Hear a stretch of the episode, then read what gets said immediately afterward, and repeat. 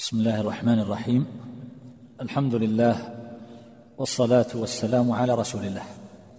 أما بعد فتحدثنا في الليلة الماضية عن أصل لفظة المثل وذكرت بأن من أهل العلم من أرجعها إلى معنى واحد وهو الشبه. فالمثل والمثل والمثيل قالوا يساوي الشبه والشبه والشبيه.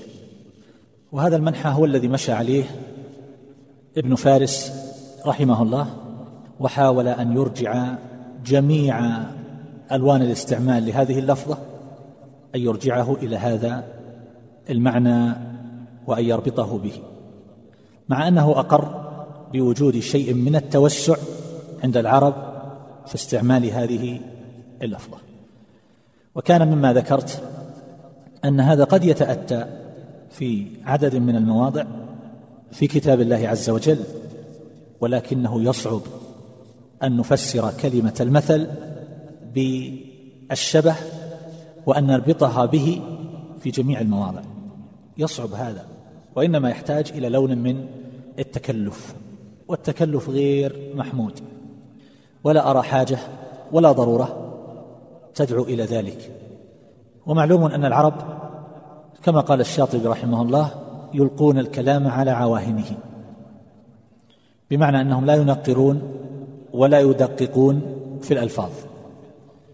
وأن القرآن نزل بلغة العرب ولذلك تجد المفسرين من المتقدمين يفسرون ألفاظ القرآن وآياته بما يقارب المعنى دون أن يدققوا على كل حال ينبغي أن نعرف أن المثل مهما قلنا في أصل معناه فإنه يأتي ويراد به عند كل قوم معنى.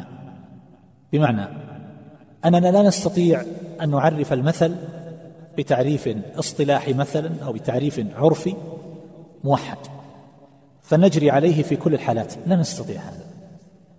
فنحن اولا حتى ننتقل إلى الأمثال التي في القرآن ونحدد المراد من أجل أن نتخير ما نشرحه منها. نريد أن نعرف أن هذه الكلمة كلمة المثل. إذا أطلقها الأدباء فإنهم يقصدون بها معنى. وإذا أطلقها البلاغيون قصدوا بها معنى آخر. وهكذا. فالمثل عند الأدباء يطلق على ما نفهمه من الأمثال لأول وهله حينما نقول مثل أو حينما نقول قال المثل يقول المثل كما قال المثل كما في المثل. الذي يتبادر إلى أذهاننا عند هذا الإطلاق هو معناه عند الادباء فهو قول محكي محكي يعني لست أنت الذي أنشأته. لا إنما تحكيه. قيل قول محكي. سائر بمعنى لابد أن يكون فيه ذيوع وانتشار مشهور. يقصد به تشبيه حال الذي حكي فيه بحال الذي قيل لأجله. فكما مثلت بالأمس إذا قلت لإنسان لم يحقق لك مطلوبا في وقت من الأوقات ثم جاء إليك محتاجا تقول له الصيف ضيعت اللبن. فهذا قول محكي. لست أنت الذي أنشأته؟ هذا قاله رجل في مناسبة معينة وهو سائر بمعنى مشهور متداول. يتناقله الناس ويحفظونه ويقولونه في المناسبات. يقصد به تشبيه حال الذي حكي فيه بحال الذي قيل لأجله. الذي قيل لأجله هو تلك المرأة التي احتاجت كما ذكرنا. فيقصد به التشبيه الذي قيل فيه قلته لزيد لصاحبك. تشبه حاله بحال ذاك فتقول الصيف ضيعت اللبن. وهو ما يحتاج عند هذا أن يقول أي صيف وأي لبن. لا مباشرة يفهم المراد. أنك تشبه حاله بحال ذاك الذي خطب المرأة فامتنعت ثم احتاجت وجاءت تسأل المعونة فقال لها ما قال. وهكذا رب رمية من غير رام. هذه قيلت في مناسبة معينة. فصار الإنسان يقولها حينما يرى من وقع على الصواب من غير أن يأتي ذلك من وجهه. وقع على الصواب مصادفة من غير معرفة رب رمية من غير رامي فيقال مثل هذا الكلام هل أنت الذي أنشأته؟ لا محكي سائر رب رمية من غير رامي مشهور. وهذا نحتاج إليه بعد قليل في الفرق بين الحكمة والمثل. على كل حال هذا يقال له الأمثال السائرة. إذا المثل لو قال واحد ما معنى المثل؟ نقول ماذا تريد؟ قال أقصد هذه الأمثال التي نرددها ونقولها. نقول نعم هذه الأمثال عند الأدباء المراد بها قول محكي سائر إلى آخره. واضح؟ طيب هل يوجد في القرآن شيء من هذا؟ قطعا لا. هل أمثال القرآن مرتبطة بهذا؟ قطعا لا. ليست هذه الأمثال. وكما ذكرت بالأمس الله أعظم وأجل شأنا من أن يتمثل بقول زيد من الناس الذي قاله في مناسبة معينة فالله ينقل كلامه في مناسبة تشبهها. هل هذا يعقل؟ ما يعقل. فإذا قيل الأمثال في القرآن الأمثال التي لا يعقلها إلا العالمون فليس المراد بها هذا الذي يتبادر إلى أذهاننا. إذا هل للمثل معنى آخر؟ نقول نعم عند البلاغيين عند علماء البيان له معنى آخر. يقولون بأنه مجاز مركب. هذا أصحاب المجاز. مجاز مركب يعني ليس بمجاز مفرد. مجاز مفرد تقول رأيت أسدا. يقاتل. شبهت الرجل الشجاع بإيش؟ الأسد. بدل ما تقول رجل قلت أسد كلمة واحدة هي اللي حصل فيها التجوز. أما المجاز المركب فهو في كل التركيب ما هو في لفظة واحدة. التركيب بكامله بناء الألفاظ على بعضها حتى كونت هذا الكلام أو هذه الجملة. فهو عندهم مجاز مركب تكون علاقته المشابهة. متى فشى استعماله؟ إذا هو مجاز علاقته المشابهة مجاز مركب. ولا بد من انتشاره وذيوعه. هذا غير المثل عند الأدباء. لكن فيه تشبيه وفيه تصوير لمعنى بأمر محسوس. تقول لإنسان متردد يذهب ما يذهب. يدرس في هذه الكلية أو ما يدرس. يقدم على هذا المشروع أو ما يقدم. ماذا نقول له؟ ما لي أراك؟ تقدم رجلا وتؤخر أخرى. تقدم رجلا؟ هل هو الآن جالس يقدم رجل ويؤخر أخرى حسا؟ لا. لكنك شبهته بالذي يقدم رجلا ويؤخر أخرى. شبهت التردد وهو معنى بأمر محسوس وهو تقديم رجل وتأخير أخرى. فهذا يقال للإنسان المتردد. هل هذا قيل في مناسبة معينة؟ كما يقول الأدباء قول محكي. أو أنها جملة مركبة قيلت في تصوير حال معينة للإنسان المتردد. هي كذلك جملة معينة. هذا يقال له مجاز مركب ليه؟ لأنه ما في كلمة واحدة مثل كلمة أسد يقال هي المجاز. الآن لو قلت ما لي أراك تقدم رجلا وتؤخر أخرى؟ هل المجاز في لفظة أراك؟ لا. هل هي في كلمة رجل؟ لا. إذن هو في نفس التركيب بكامله. تقدم رجلا وتؤخر أخرى. هذا التركيب يقولون تركيب مجازي غير حقيقي لأن هذا الإنسان ما جالس يقدم رجلا ويؤخر أخرى. وبعضهم يقول المثل ولكل قوم وجهة. يعني الآن الذي يقول قول محكي سائر نسلم له في أي نوع؟ في الأمثال عند الأدباء. نقول لا مشاحة في الاصطلاح. هذه أمثالكم وهي التي ذاعت وانتشرت عندنا وصرنا إذا أطلقنا المثل تبادر إليها. لا إشكال. لا نعارضكم لكن ليست هذه أمثال القرآن. الأمثال عند البلاغيين عند علماء البيان. مجاز مركب علاقته المشابهة ولا بد فيه من الذيوع والانتشار. هل أمثال القرآن مرتبطة بهذا؟ كل أمثال القرآن مجاز مركب علاقته المشابهة؟ الجواب لا. يوجد شيء من هذا. يصدق هذا على بعض أمثال القرآن لكنه لا يصدق على جميعها. فلا نستطيع أن نقول بأن الأمثال في القرآن هي هذا النوع الذي هو المجاز المركب الذي علاقته المشابهة. أبدا. لأننا سنخرج جملة من أمثال القرآن. ليس هذا كله عناية بالتعريف. لا لكن من أجل أن نعرف ماذا نريد بأمثال القرآن؟ أنا مضطر إلى هذا الكلام من أجل أن يكون الاختيار بعد ذلك بناء على مقياس على معيار معين لأني أمام أشياء كثيرة جدا. ما الذي سنريده هنا؟ هذه القضية تحتاج إلى تحرير. كل من يتكلم عن الأمثال لابد أن يحرر هذه القضية تحريرا جيدا. ثم بعد ذلك يتكلم بعضهم حاول أن يوسع قليلا ولا يرتبط بهذه القوالب الضيقة التي تخرج بعض أمثال القرآن. فقالوا المثل هو إبراز المعنى في صورة حسية. تكسبه روعة وجمالا. فما يشترط بهذا الاعتبار يكون له مورد أو يكون مجازا مركبا؟ ما يشترط.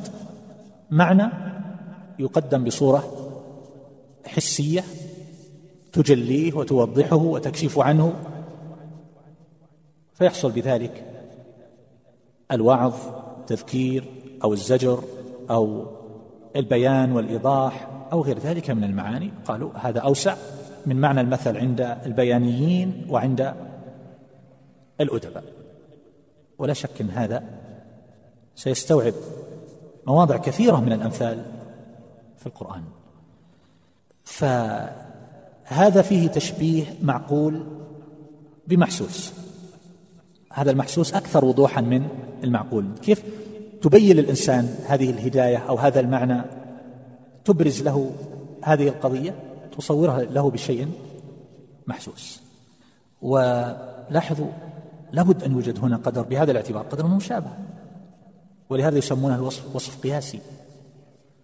من أجل أن يقيس هذا المحسوس على ذاك المعقول ويفهم المراد تتجلى له الصورة وتتضح الفكرة وهذا الذي يسميه البلاغيون بالتمثيل المركب. فهذا يحصل به التقريب للمعاني فتشبه محسوسا بمحسوس أو معقولا بمحسوس. مثلهم كمثل الذي استوقد نارا. حال هؤلاء المنافقين مع الهدايات القرآنية ومع دعواهم للإيمان كما سيأتي إيضاحه إن شاء الله. مثل إنسان اقتبس النار من غيره ليست عنده استوقد السين والتاء للطلب طلبها خذها كأنه استعارها. ما عندهم إيمان حقيقي لكنهم حصل لهم الأمن وحقن الدم وإحراز المال بسبب هذه الدعوة التي دعوها فحمتهم جيوش المسلمين وأجنادهم وصار يأتيهم من الغنيمة إذا شاركوا والفي وأمنوا على أنفسهم استوقد نارا. فلما أضاءت ما حوله ذهب الله بنورهم. فاستمتعوا قليلا بدعوى الإيمان مثل الذي استوقد نار استعار نار من غيره ثم أضاءت له في الليل الأظلم فاستانس بها واستفاد وانتفع بعض الشيء ثم انطفأ النور. فبقي في الظلمة ذهب النور وبقي الإحراق. فلما أضاءت ما حوله فرح بها ذهب الله بنورهم وتركهم في ظلمات لا يبصرون. فذهب نورها وبقي إحراقها. النار إذا ذهب نورها بقيت جمرا فبقي الإحراق. أو كصيب من السماء فيه ظلمات ورعد وبرق. سيأتي الكلام على هذه المثل يصور حالهم حينما يسمعون قوارع القرآن وزواجره. الحجج تكاد تخطف البصر في البرق. هذه حجج القرآن. والصواعق هذه زواجر القرآن. يكاد البرق يخطف أبصارهم. كلما أضاء لهم مشوا فيه وإذا أظلم عليهم قاموا وقفوا ولو شاء الله لذهب بسمعهم وأبصارهم. فهذا تصوير قضية معنوية بأمر بأمر محسوس. أنزل من السماء ماء فسالت أودية بقدرها فاحتمل السيل زبدا رابيا ومما يوقدون عليه في النار ابتغاء حلية أو متاع زبد مثله. كذلك يضرب الله الحق والباطل. لاحظ ما, ما ذكر هنا كلمة مثل. لكن هذا مثل. من أجل الأمثال في القرآن. هذا لا تردد في أنه مثل لكن ستأتي أمثلة. يحصل فيها تردد. هل هذا من أمثال القرآن أو لا؟ مع التصريح فيها بلفظ المثل. فهذا المطر والوحي العلم الهداية التي نزلت من السماء. أنزل من السماء ماء فسالت أودية. أخذ كل بحسبه. كما قال بعض أصحاب ابن مسعود رضي الله عنه أدركت أصحاب محمد صلى الله عليه وسلم كالإخاذ. مكان الذي يجتمع فيه الماء. فالإخاذ يسع الرجل الإخاذ يسع الرجلين والإخاذ يسع. والإخاذ لو نزل به أهل الأرض لوسعهم. العلم فسالت أودية بقدرها. فاحتمل السيل زبد الرابية هذا الغثاء الذي لا قيمة له.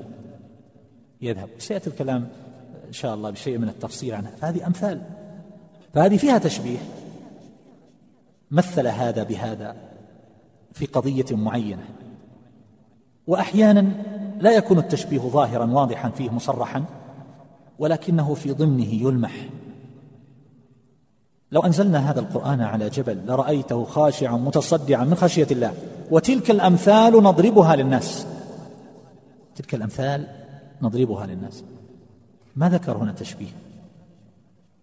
لكنه يذكر صلابة هذا القلب فتلمح قضية وهو أن هذا الحجر لربما يكون أخف صلابة من القلوب من بعض قلوب بني آدم. التي لا تخشع ولا تلين ولا تستكين. فالتمثيل والتشبيه موجود ضمنا في هذا النوع. فعلى هذا إذا قلنا أن هذا هو معنى المثل مثلا وسعناه عن قول الأدباء وعلماء البيان نقول هو كما قال بعض أهل العلم إذا إخراج الأغمض إلى إلى الأظهر مثلا. وهذا الإخراج أنواع. أحيانا نخرج ما لا يقع عليه الحس إلى ما يقع عليه. أو نخرج أحيانا ما لا يعلم بالبديهة إلى ما يعلم بالبديهة. أو نخرج ما لم تجري به العادة إلى ما جرت به العادة. وهكذا. وهناك نوع آخر سماه بعضهم بالأمثال التاريخية. تشبيه واقع قائم بوقائع تاريخية وقصص واقعية قصها القرآن وما آلت إليه وما صار إليه حالها وأمرها لوجود قدر من المشابهة. وضرب الله مثلا قرية كانت آمنة مطمئنة يأتيها رزقها رغدا من كل مكان فكفرت بأنعم الله فأذاقها الله لباس الجوع والخوف بما كانوا يصنعون. واضرب لهم مثلا أصحاب القرية إذ جاءها المرسلون مثلا. وهكذا واضرب لهم مثل الرجلين جعلنا لأحدهما جنتين من أعناب. ضربه الله مثلا. وذكرنا بالأمس عند من يقول أن هناك قدر من المشابهة. لابد من هذا الرابط. يقول جعلهم الله عز وجل عبرة فينتقل الإنسان من هذا إلى هذا. فحال هذا تشبه حال هذا. ويحصل بذلك المقصود من الزجر أو الوعظ أو نحو ذلك. والله عز وجل يقول أولم تكونوا أقسمتم من قبل ما لكم من زوال؟ وسكنتم في مساكن الذين ظلموا أنفسهم وتبين لكم كيف فعلنا بهم وضربنا لكم الأمثال. أخبر الله عز وجل عما وقع لهم من المثلات العقوبات التي استأصلهم الله عز وجل بها. من أجل أن يعتبر هؤلاء ويتعظوا. إذن هذا الذي ذكروه من إبراز المعنى الذي فيه شيء من الخفاء بصورة جلية حسية أوسع بلا شك من قول الأدب في تعريفه ومن قول البيانيين مع أن هؤلاء لهم اصطلاحهم ونحن لا نعارضهم في الاصطلاح لا مشاحة في الاصطلاح إذا تبين المعنى لكن أمثال القرآن لا يوجد فيها شيء من النوع اللي عند الأدباء ويوجد فيها شيء من الأمثال عند البيانيين. والمعنى الثالث الذي ذكر أوسع من هذا فيستوعب كثيرا من أمثال القرآن وإن كان سيشكل عليه بعض النماذج. على كل حال يمكن أن نقول إن إبراز المعنى في صورة موجزة واضحة لها وقعها في النفس يمكن أن يكون هذا المراد بكثير من الأمثال في القرآن. ولكن هذا قد لا يكون في جميع المواضع. والحافظ ابن القيم رحمه الله يقول بأنه تشبيه شيء بشيء في حكمه وتقريب المعقول من المحسوس. أو أحد المحسوسين من الآخر واعتبار أحدهما بالآخر. أساق أمثلة على هذا. إنما مثل الحياة الدنيا كماء إن أنزلناه من السماء فاختلط به نبات الأرض إلى آخره. هذا كلام يجري على كثير. لكننا سنبقى نستشكل هذا في بعض الأمثلة كما سيأتي إن شاء الله. لا يغتب بعضكم بعضا أيحب أحدكم أن يأكل لحم أخيه ميتا فكرهتموه؟ هنا لم يذكر تشبيها صريحا ولم يذكر لفظ المثل لكنه في ضمنه تمثيل وتشبيه. يا أيها الناس ضرب مثل فاستمعوا له. إن الذين تدعون من دون الله لن يخلقوا ذبابا ولو اجتمعوا له. وإن يسلبهم الذباب شيئا لا يستنقذوه منه ضعف الطالب والمطلوب. هنا لم يذكر تشبيها ولا مشبها به مع أن من من أهل العلم الذين يصرون على قضية التشبيه هنا يقول التشبيه موجود كما سيأتي إن شاء الله. يقول موجود. إذا كانوا يعجزون عن إيجاد ذباب فما هو أعلى منه من باب اولى ولا نقول فما هو من جنسه أو ما كان في قدره أو مثله. لا لا يستطيعون خلق الذباب وإذا سلبهم الذباب شيئا لا يستنقذوا منه فننتقل منها إلى الصورة الأخرى. كيف يستطيعون هؤلاء خلق السماوات والأرض وخلق الناس؟ فجعلوهم آلهة وعبدوهم من دون الله تبارك وتعالى. على كل حال بقي أشياء. سنتحدث عن إطلاقات المثل في القرآن. نأخذ جولة مع الألفاظ التي ورد فيها جملة من الألفاظ وننظر بما هو المعنى في بعض هذه المواضع. نسأل الله عز وجل أن ينفعنا وإياكم بما سمعنا اجعلنا وإياكم هداة مهتدين. اللهم ارحم موتانا واشف مرضانا وعاف مبتلانا. واجعل آخرتنا خيرا من دنيانا. اللهم بارك لنا في شهرنا هذا وأعنا فيه على الصيام والقيام والعمل الصالح الذي يرضيك عنا وتقبل منا. إنك أنت السميع العليم. وصلى الله على محمد واله وصحبه.